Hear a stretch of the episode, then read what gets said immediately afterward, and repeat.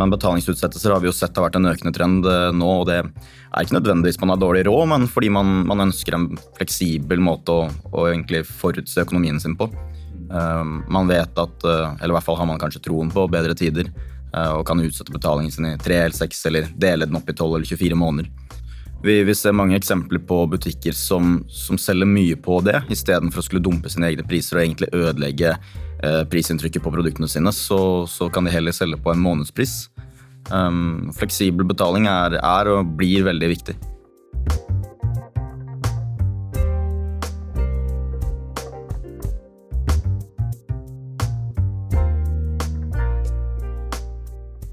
I et stadig tøffere økonomisk klima er det nødvendig å hele tiden utvikle nettbutikken sin. Det er f.eks. mulig å øke salget ved å satse på B2B-salg. Og tilby kundene delbetaling for større kjøp er en annen måte å øke salget på. Vi ser også på hvordan norske nettbutikker velger å åpne fysiske butikker for å øke salget og synligheten.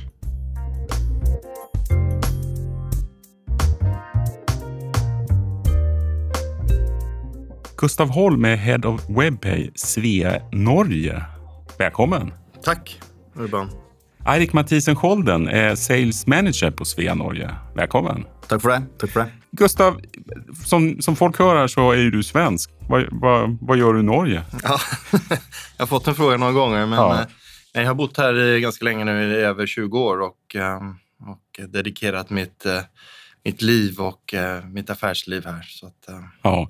Men du har ganska lång erfarenhet inom betalningar, eller hur? Det har jag. Jag har fått eh, vara med på den här resan egentligen sedan sen mycket av e-handel startade eh, och varit med på några olika resor genom ett par olika bolag och eh, har nu landat här i Svea sedan ett och ett halvt år tillbaka och får leda den satsningen vi ska göra här nu i Svea som är otroligt kul. Så. Just det, ja. just det. Men Svea fanns här innan du började? Svea fanns absolut här innan. Ja, I, i, jag, jag, vet inte hur etablerad ni är i Norge, men i, i, i, Sverige är ju Svea nummer två skulle jag vilja säga på marknaden gäller webbetalningar. Precis, och det är väl lite det, det som är vårt mål här också. Att nu sätta ordentligt Svea och våra betallösningar då, framför allt på, på kartan ordentligt och bli en en tydlig aktör som, som kan vara med och hjälpa till att driva norsk e-handel. Mm. Och Eirik, eh, du är sales manager. Du är ganska... Alltså, ursäkta att jag hänger upp mig på din ålder här, men jag är ändå lite imponerad av att du är säljchef. Du, ja. Hur gammal är du egentligen? Jag är 26 år. Ja, mm. Du har snabbt marscherat. Eh, jo, men det kan man si. Um, jag har varit i Svea hela min professionella karriär. Uh, snart sju år börjar det bli. Nej, jag har varit inom ganska många led där i Svea. Jag började på, på kundeservice faktiskt. Uh, så där har jag jobbat med våra kunders kunder. Uh, og så når jeg flyttet meg over til salg, så har vi begynt å jobbe med, med direktesalg mot, ja, mot e-handel.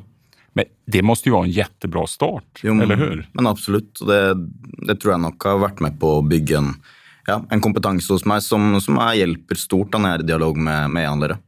För, för, jag vet ju på en, en del så här framsynta bolag, då sitter ju oftast då, då går ju vd ner en gång i månaden och sitter några timmar i, i kundtjänst. Gör du det Gustav? Ja, du gör det. Vi har en väldigt tät eh, dialog med, med kundtjänst. Och det är liksom en viktig... Men sitter du och tar emot kundsamtal också? Vi sitter medlyst och ja. lyssnar på vilka problem eh, kunderna har. Då. Det, det är lite det vi bygger upp hela vår satsning på också. Att kunna vara nära både våra kunder men också våra kunders kunder. Då.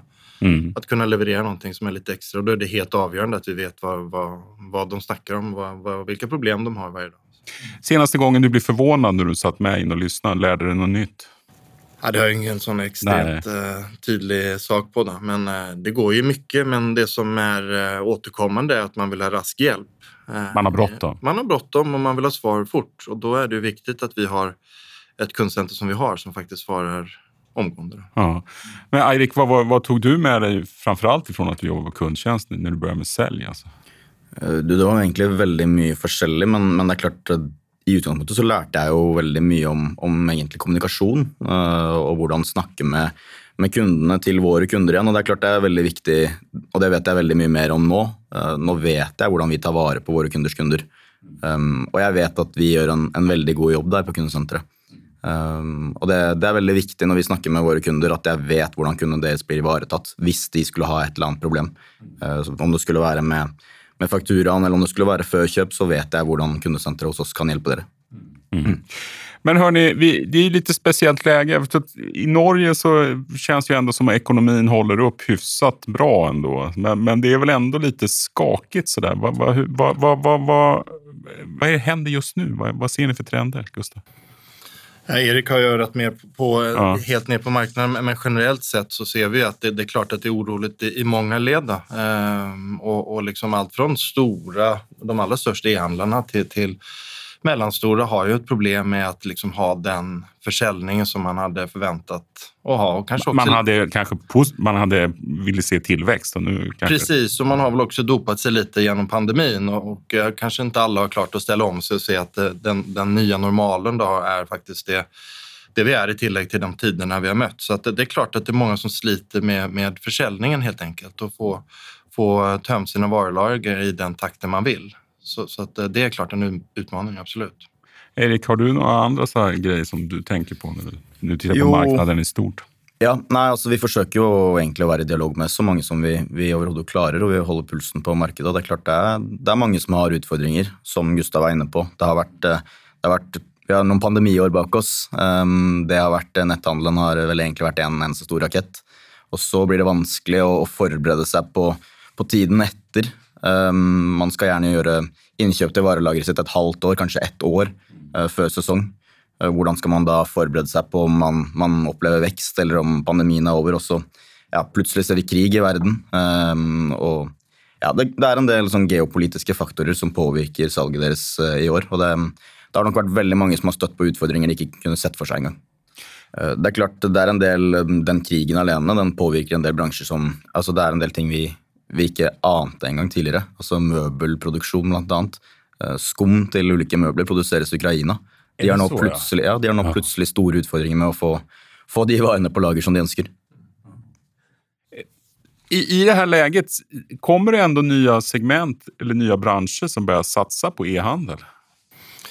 Ja, det är klart att vi, vi ser ju att i sådana här tider så, så är det typiskt att man må liksom tänka lite nytt och tänka annorlunda. Och, och det gäller ju både de som har som existerat innan och som nu sliter med försäljning må ju ta till nya grepp då för att, för att uh, hitta den försäljning som man faktiskt inte har.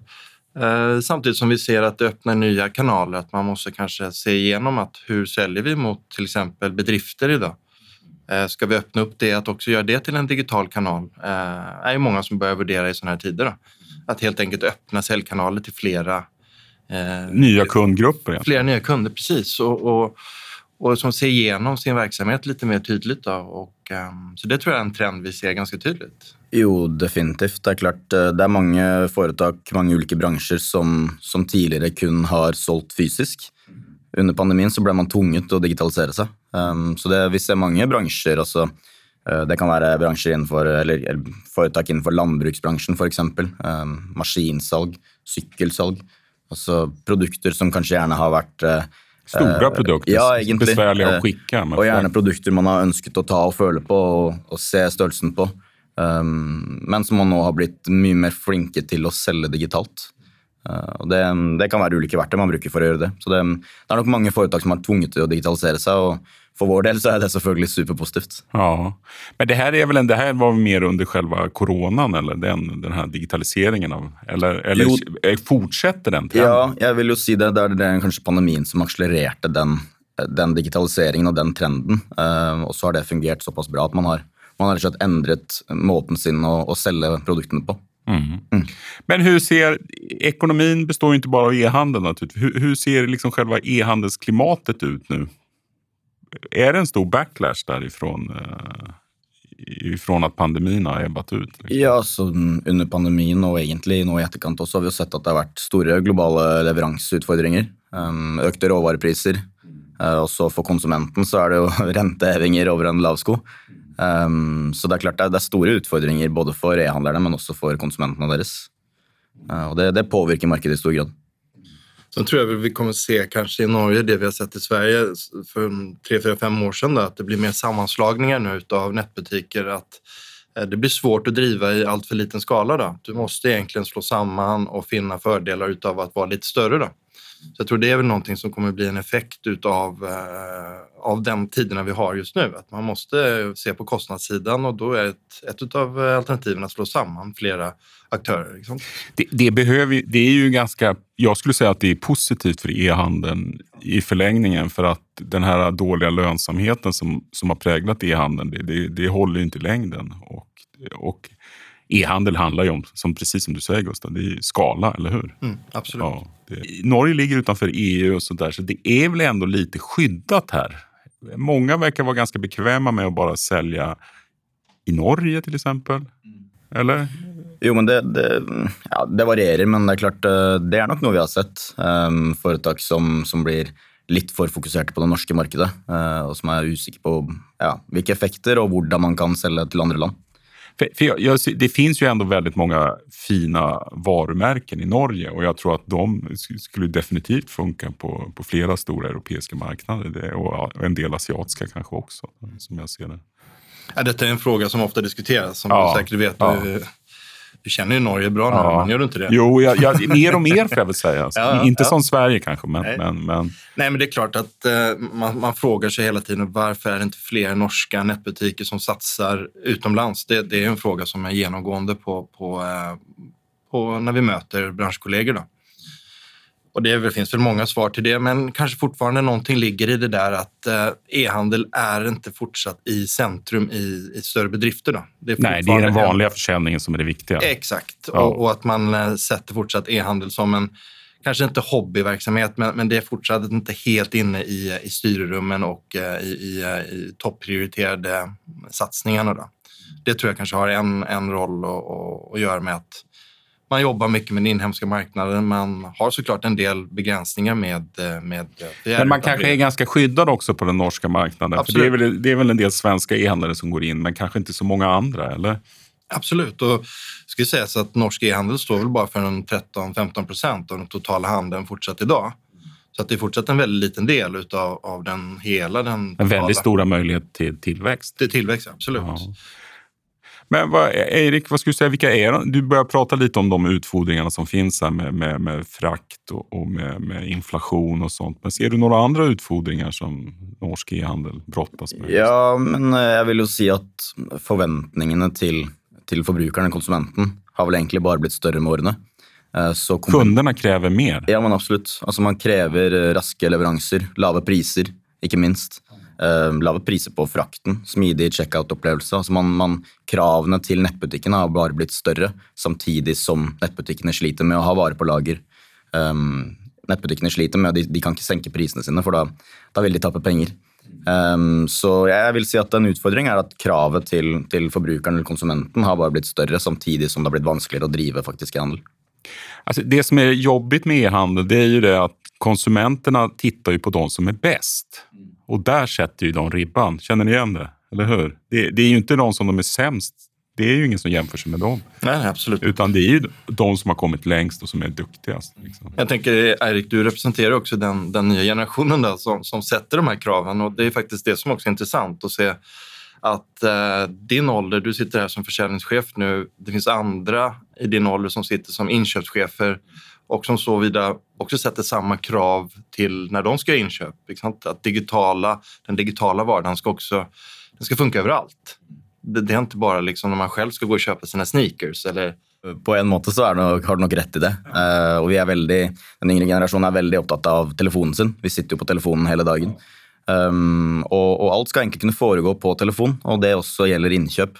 Og hvis eh, vi som, som forbruker eller privatperson kan kjøpe en vare til 1000 kroner på mobilen. Hvorfor skal jeg ikke kunne handle for 100 000 kroner på mobilen for foretaket mitt? Ja. Ja, men helt riktigt. Helt riktigt. E-, Ökar konkurserna inom e-handel i Norge nu eller ser man några sådana tendenser? Ja, det, det, det, är väl på gång, det vill jag säga. Och det, det, hänger väl lite samman med det vi snackade om tidigare, att sammanslagningen blir viktigt. Men, men jag tror vi ligger lite, framförallt när vi ser på, på, på Sverige, såklart så ligger vi lite efter. Vi har en liten annan buffer, verkar det som, i Norge att vi skjuter liksom konkurserna lite framför oss. Men det är ju många som säger nu att det, det, det vill kanske komma en lite större andel framåt sommaren och eh, inte minst framåt hösten. Då. Eh, detta är så många som har tankar om det, men, men det är väl det man pratar om, det, att det kommer en, en ökad våg. Och vi får ju mycket hänvändelser in till exempel på kunder som är lite desperata helt enkelt. Eh, de behöver När du säger kunder så menar du e-handlare? E-handlare, butiker ja. som, som är desperata då, för att de får inte ut sina varor. Och då, då försöker vi hjälpa dem eh, med det sättet vi arbetar att eh, vara kreativa med att hitta på andra typer av försäljningssätt för dig. Eh, ni, ni stöter på e-handlare som har sådana utfodringar och försäljningen hackar. Vad, vad är era liksom... Vart börjar ni då när ni vill hjälpa? Jo, men det, det handler vel om å finne roten i hvorfor man ikke får solgt produktene. Um, altså, vi, vi, kan ikke hjelpe med nødvendigvis alt. Er produktene deres for dyre sammenlignet med konkurrentene, så er det jo naturligvis vanskelig å få solgt. Prisanalys, det er det første? Ja, men det, det kan være en ting, blant annet. Uh, men for vår del, som en leverandør av, av betalingsløsningen deres, så må vi se på hvordan vi kan tilpasse den for å hjelpe de med salget. Og det kan være f.eks. betalingsutsettelser. Uh, og det, det, har vi jo sett med Flera möjligheter att betala på? Alltså. Ja, men, men nettopp. Uh, og man har kanskje... Har inte alla det redan? Har man inte Nei, alltid Vipps og har... faktura og kort? Eller? Jo, men for eksempel Vipps, som er en veldig populær betalingsmetode ja. i Norge, er jo en, en direktebetaling, en direktebetaling med mobilen. Um, du må fortsatt ha pengene på konto der og da. Ehm, men betalingsutsettelser har vi jo sett har vært en økende trend nu. nå. og det er ikke nødvendigvis man har dårlig råd, men fordi man, man ønsker en fleksibel måte å, å egentlig forutse økonomien sin på. Ehm, man vet at, eh, eller i hvert fall har man kanskje troen på bedre tider, och og kan utsette betalingen sin i tre eller seks, eller dele den opp i 12 eller 24 måneder. Og, og, og, sånt kan gjøre stor skillnad, mener du? om man Ja, men absolutt. Det. Ja. Vi, vi, ser mange eksempler på butikker som, som selger mye på det, istedenfor å skulle dumpe sine egne priser og egentlig ødelegge prisinntrykket på produktene sine, så, så kan de heller selge på en månedspris. Um, flexibel betalning är, är och blir väldigt viktig. Och det är en jättekul trend, för det, det ser man att även de här handlarna som har fysiska butiker, de har ju sett att okej, okay, det här kravet måste jag kunna, eller den här eh, tjänsten måste jag kunna erbjuda mina kunder i butik också. Så att kunder som kommer in och ska köpa en tröja och ett par jeans ska också ha ett möjlighet, precis som på nätet, att kunna dela upp en sån betalning. Eh, fast göra det i butik. Då. Och, och det har vi sett en stor efterfrågan av att kopiera egentligen det som har varit en normal på nätet till butik. Eh, så det är en jättekul egentligen resa som att, att försöka sy ihop det här nu verkligen genom betalningar. Inför den här eh, podden, eh, så Erik, så tog du fram lite data ifrån, från Sveas egen rapport som ni släppte här. Som, den som jag tyckte var mest intressant var den här att sju av tio kunder tycker att de får en bättre kundupplevelse i fysisk butik än på nätet. Men det är fortsatt så att man sitter med ett intryck av att så länge du kan se och ta och följa på produkten, eh, du kan möta den hyggliga ansatte i butiken som, som önskar dig personlig välkommen i butiken, så vill du likevel føle en, ja, en litt annen handleopplevelse enn på nettet, hvor du kanskje er litt standardisert og litt upersonlig. Um, så, så, dessverre så er det fortsatt sånn at eh, ja, syv av ti nordmenn fortsatt eh, syns at handleopplevelsen er bedre fysisk i butikk enn online. Vad är det som gör liksom e-handlare framgångsrika? Vi, vi, har ju redan pris har vi snackat om. Det, är liksom, det där pratar vi egentligen för lite om tycker jag. För det vet ju all, men det är väl kanske för att det är så självklart så att man inte pratar om det. Men sen tycker jag den andra självklarheten är ju sortiment. Mm. För jag, jag, känner nu eh, Carol Carl som, som jag har spelat in en podd med som är en svensk, svenskt företag men som blev utnämnd till Norges bästa e-handlare här för, för, för ett par månader sedan. Eh, alltså den, den eh, vad ska man säga, den, den energin de lägger in i att hitta rätt sortiment, alltså det tänket. Det är, liksom ing, det är aldrig en slump vilka produkter de säljer. Och det jag tänker, så där borde ju fler tänka. Ja. Eller hur? Det känns, men det känns inte riktigt så alltid. Ja, de har nog varit uh, väldigt duktiga på, på trendanalyser och finna ut vad som, alltså gå tillbaka egentligen i arkiven, vad var populärt för många år sedan och så ser man vad som blir populärt i tiden framöver. Altså, ikke minst uh, nettopp uh, nevnte Care of Carl har jo vært veldig flinke til uh, nettopp det å gjøre handleopplevelsen personlig. Uh, og jeg har selv handlet der hvor uh, du har fått uh, julegaver, et par strømper i, i, julegave, bare fordi du har handlet hos de det seneste året. Um, de, de, har jo modeller med videobilder de, de, går ju väldigt bra i Norge. Det är ju deras ja. näst största marknad. Alltså. Ja. Så de har ju, någonting gör de ju rätt här i Norge också. Ja, men, men jag tror nog väldigt många kan bruka det som ett exempel, för ja, de har varit väldigt flinke till att göra den digitala eh, handelsupplevelsen mer personlig än vad andra digitala företag får till. Mm. Vad, vad tänker du mer? Eh, andra råd som du gärna kommer med när du pratar med... Jo, men, men det är egentligen lite inne på den tråden. Um, nettbutikker kan, altså, det, det, kan man enkelt få til at nettbutikkene husker deg når du kommer tilbake til dem. Uh, hvorfor skal ikke jeg få en 'velkommen tilbake, Eirik' når jeg går inn på en nettbutikk? Uh, det, er en, det, er et enkelt verktøy som gjør at jeg Du mener at man setter en cookie bare? så at mm, man... Mm. Ja. Men det gjør at handleopplevelsen føles personlig. Um, noe tilsvarende når du kommer inn i en fysisk butikk. Um, andre verktøy kan være type live shopping. Um, det er et verktøy som flere og flere tar i bruk, og som gjør at man ja, føler det mer, mer personlig. Lite skeptisk til det med liveshopping. Ja, er, det, er det virkelig en sånn, en sånn eh, ja, jeg, jeg tror Er det liksom ikke bare Man bruker snakke om new shiny things. Er det ikke bare new shiny thing? Nei, jeg tror ikke nødvendigvis det, faktisk. Eh, spesielt kanskje innenfor eh, I hvert fall nå så tror jeg nok at innenfor klesbransjen, f.eks., hvor du kan få en modell til å ta på seg et fullt antrekk, se hva som matcher sammen. Det, jeg har troa på det. Ha, eh, noe mer? Jo, men det kan være der Vi ser flere og flere nettbutikker som har eh, chatbot nederst til høyre i, i, nettbutikken. Bare en, hvis du har noen spørsmål, kontakt oss. Um, det, er, det, er, små, men, men, enkle grep som kan gjøre handleopplevelsen uh, online mer personlig. Jeg tror det er det som er viktig, for i dag så er det veldig mange kanskje litt utdaterte nettbutikker um, som, som, er veldig standardiserte og ikke husker deg og ikke tar vare på deg i det hele tatt. Det, uh, det tror jeg blir viktig i tiden fremover jag syns att de, de bästa e-handlarna är nästan, de, de, är oftast väldigt duktiga på kund, kundsupport. Mm.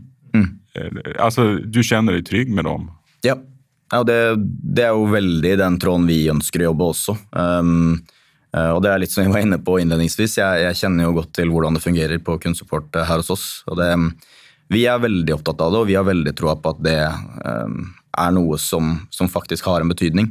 Og det, det har det for nettbutikkene også. Jeg nevnte eh, Care of Carl er også ekstremt god på, på kundesupport. Uh, har du spørsmål, så skal du få gode svar på det. Og, og egentlig, egentlig, før du i det hele tatt har et spørsmål også. Altså, Vær gode på produktbilder, vær, vær gode på produktbeskrivelser.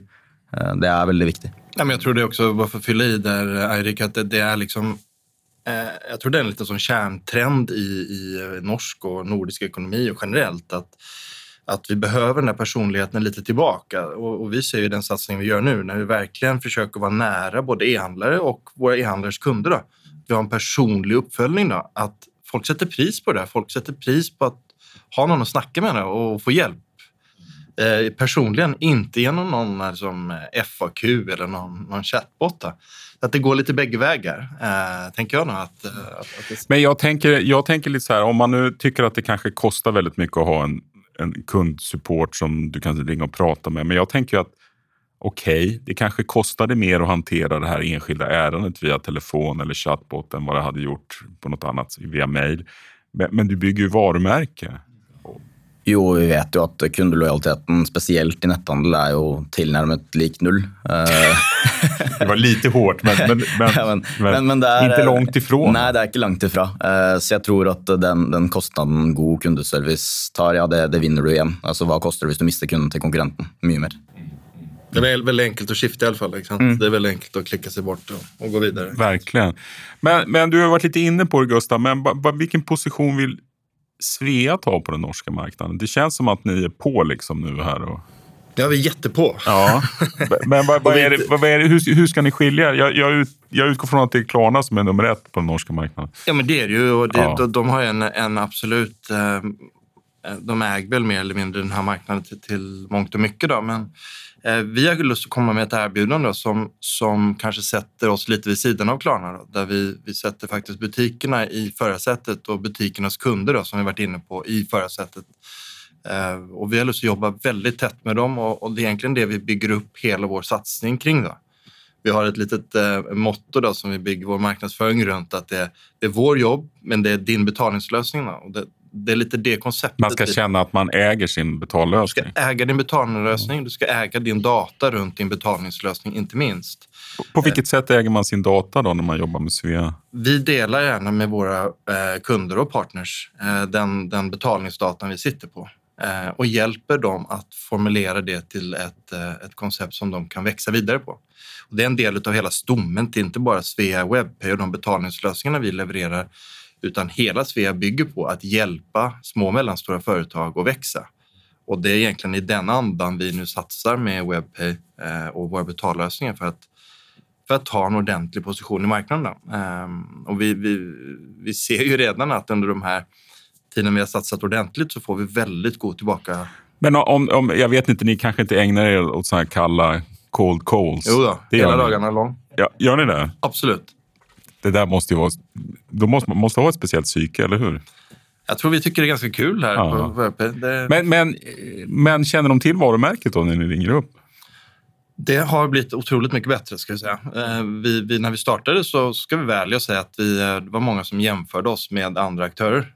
Eh, men, men, idag när vi ringer upp, bara på ett och ett halvt års tid, så vet man vem vi är och har lust att prata med oss. För att vi har inte ett out of the box-koncept utan vi försöker skräddarsy det till den enkelt e-handlaren. Som, som... Men är det samma typ av resonemang som vi för här som ni för med era kunder? Då? Att den börjar, liksom, hur, hur ska ni kunna bli bättre? 100 procent. Ja. Vi går i djupdyk med våra kunder och försöker hjälpa dem att hitta vägar till att lyckas växa. Då. Och det, det är otroligt kul. Jag tror vi har det väldigt bra om dagen. Och det, vi hittar nya typer av kundsegment och, och uh, i tillägg till de traditionella nätbutikerna där vi hjälper att öppna dörrarna, öppna till flera försäljkanaler. Och... Mm. Vi har ju pratat lite om nya försäljkanaler här. Vad, vad, vad, tänker du, det här med den gamla grejen, då var det ju fysisk handel som startade nätbutik.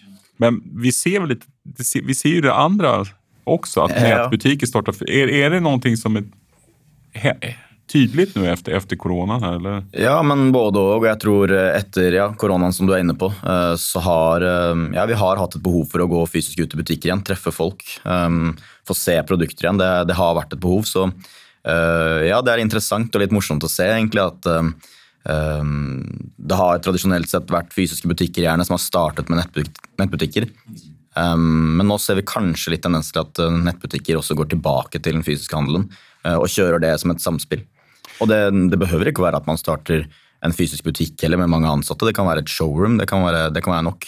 Eh, men, men noe som gör att kunder kan komma in och se och ta och føle på produkterna deres och få, få den personliga kundesupporten som är så viktig. Eh, jag, skulle säga, jag skulle nog säga att det största problemet som de flesta e-handlare lever med, det, det är ju alltså beroendet av Google och Facebook egentligen. För att man får en väldigt stor andel av sin trafik den vägen. Och där vet jag ju många när man pratar med e-handlare att de har gjort kalkylen, även om de startar en fysisk butik i ett ganska dyrt läge. Liksom, så är det ändå billigare än att köpa massa Google-trafik. Liksom. Mm, mm. Jo, men det kostar absolut. Och så är det ju, det är ett regnestycke, men det är den det er jo også viktig å være synlig nettopp i de kanalene som du nevner der. Ja. Um, fordi vi er, vi er, veldig avhengige av det. Og, og, det å, og, det å, bli sett og være der uh, når kundene søker etter de produktene du har tilgjengelig, det er, det er ekstremt viktig. Men jeg har jo sett at, at Lyko har lagt mye energi på sin fina butikk på Karl Johan exempel. Den kan jo ikke ha vært gratis å starte der. Altså. Nei, men absolutt ikke. Og spesielt Lyko har også brukt uh, ja, jeg vet ikke hvor mye, men de har i hvert fall brukt uh, influensere aktivt i sin markedsføring. Um, og Det er også et sånt grep man kan gjøre for å uh, ja, rett og slett være, være nære kundene sine. Gi, gi produktanbefalinger basert på ja, kända människors meninger. Vi började ju prata lite med här att en del, det är en väg är att sälja B2B, men vi gick liksom aldrig in på detaljer där. Men vad, vad, vad skulle du säga om man är en B2C-aktör som börjar sälja till företag? Vad är det man måste ändra i sitt erbjudande? Då? veldig, mange, veldig mange gjør det nok allerede i dag uten at de egentlig er klar over det. Um, de säljer till företag fast de behandlar dem som privatkunder. Nettopp. nettopp. Ja. Nei, men det er en del eh, bakenforliggende som, som kreves når du har et foretak. Um, bare det å ha en faktura til, til regnskapet, um, og hvordan, ikke minst ikke hvordan den skal distribueres. Det er vel uh, i utgangspunktet det viktigste. tenker jeg. Driver du, driver du nettbutikk og du, du, har et behov, du har kunder som etterspør løsninger for for sitt foretak, ja, så må du ha en plattform som tillater det. Du må ha en, en betalingsløsning som spiller på lag. Um, ikke minst fraktalternativer. Det er, det er, flere ting du må tenke på. Um, hvis du skal optimalisere salget sitt til, til B2B-kunder, så må du ha en plattform som tillater innlogging, um, differensierte og rabatterte priser til, til ulike foretakskunder. Um, jeg tror spesielt sånn for vår egen del um, så ser vi jo det at vi distribuerer jo fakturaer som EOF til, til foretakskunder. Og det er blitt nærmest et krav. Uh, ikke minst så eksempelet jeg nevnte innledningsvis, hvis jeg som innkjøper skal handle for 100 000 på mobilen min, så må jo også butikken din tillate det.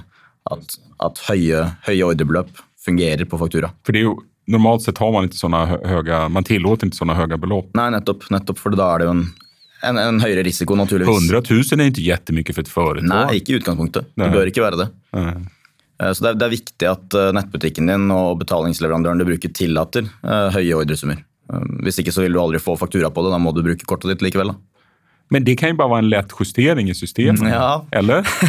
jo, men det ena är ju systemjusteringar som man kan tycka var lätt. Men jag tror kanske den största utmaningen sitter nog i, i organisationerna när man ska börja sälja B2B. För detta är ju inärvda rutiner och sätt att sälja på. Man har ofta personliga kontakter och, och detta ska man då man ska ta bort han säljaren egentligen som, som åker ut till sina kunder och har den där rutinen. Så att jag tror man ska ha en balansgång här. Och det är det vi försöker hjälpa våra kunder med. Då, att liksom sakta börja öppna upp en B2B-kanal och, och, bli känt med hur det fungerar. Och så ta det kanske till de mindre kunderna och så hellre liksom bli, bli, gör detta till en ny rutin. Så att jag tror att liksom den orgas, orga, organisationsförändringen då är större kanske när det gäller just det att öppna upp för B2B.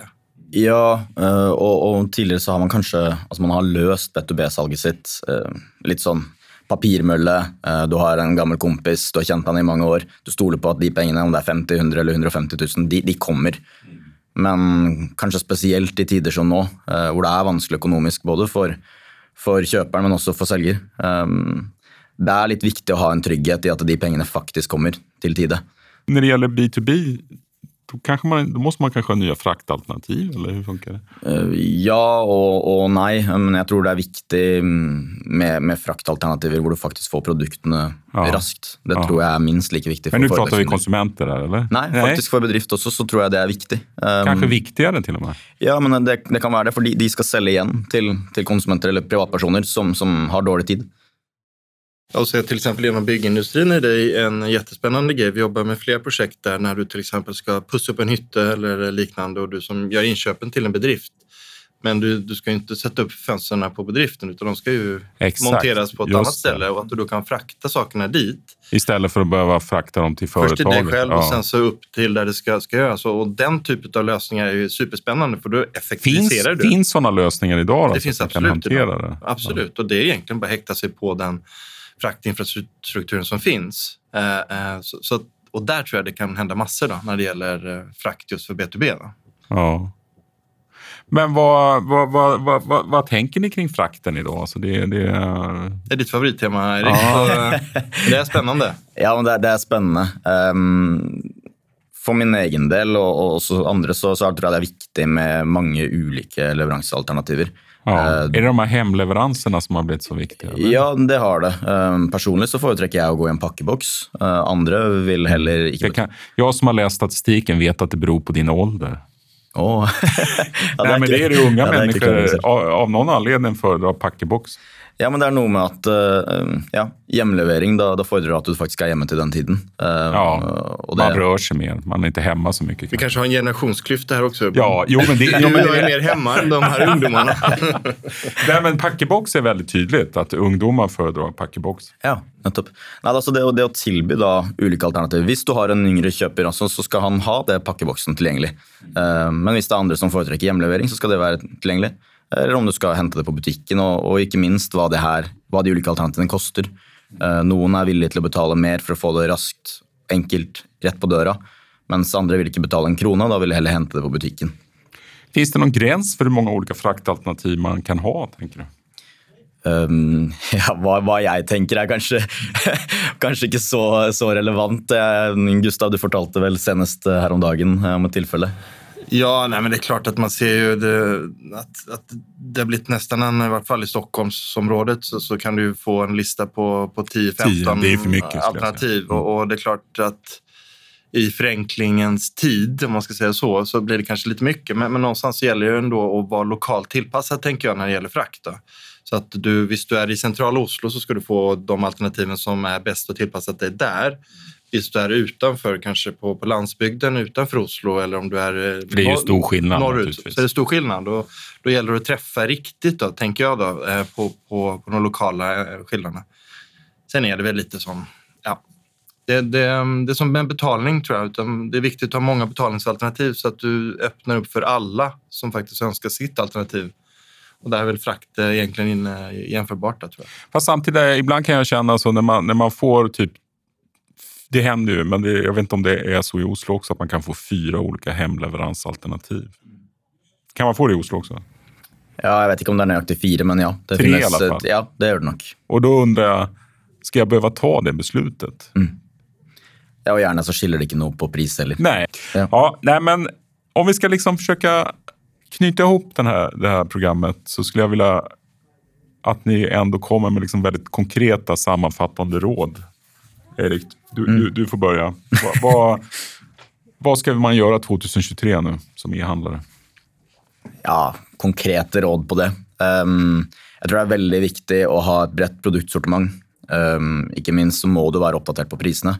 Det är klart, är du mycket dyrare än konkurrenten så vi, vi er blitt såpass prisbevisste. Altså, de ulike prisguider er jo veldig mye anvendt. Så du, du, må du, må ha et bevisst forhold til prisene på varene dine. Eh, og så må du ha gode produktbilder, gode produktbeskrivelser. Um, og så må du ha gode frakt- og, og, betalingsalternativer, rett og slett. Altså, vi vet jo at hva er det, syv av ti kunder hopper ut av, av utsjekken fordi det blir for mange steg eller det blir for, for kranglete å fullføre et kjøp. Um, så jag tror det är väldigt, väldigt viktigt att ha en smidig utsjekk. rask och smidig utsjekk. Mm.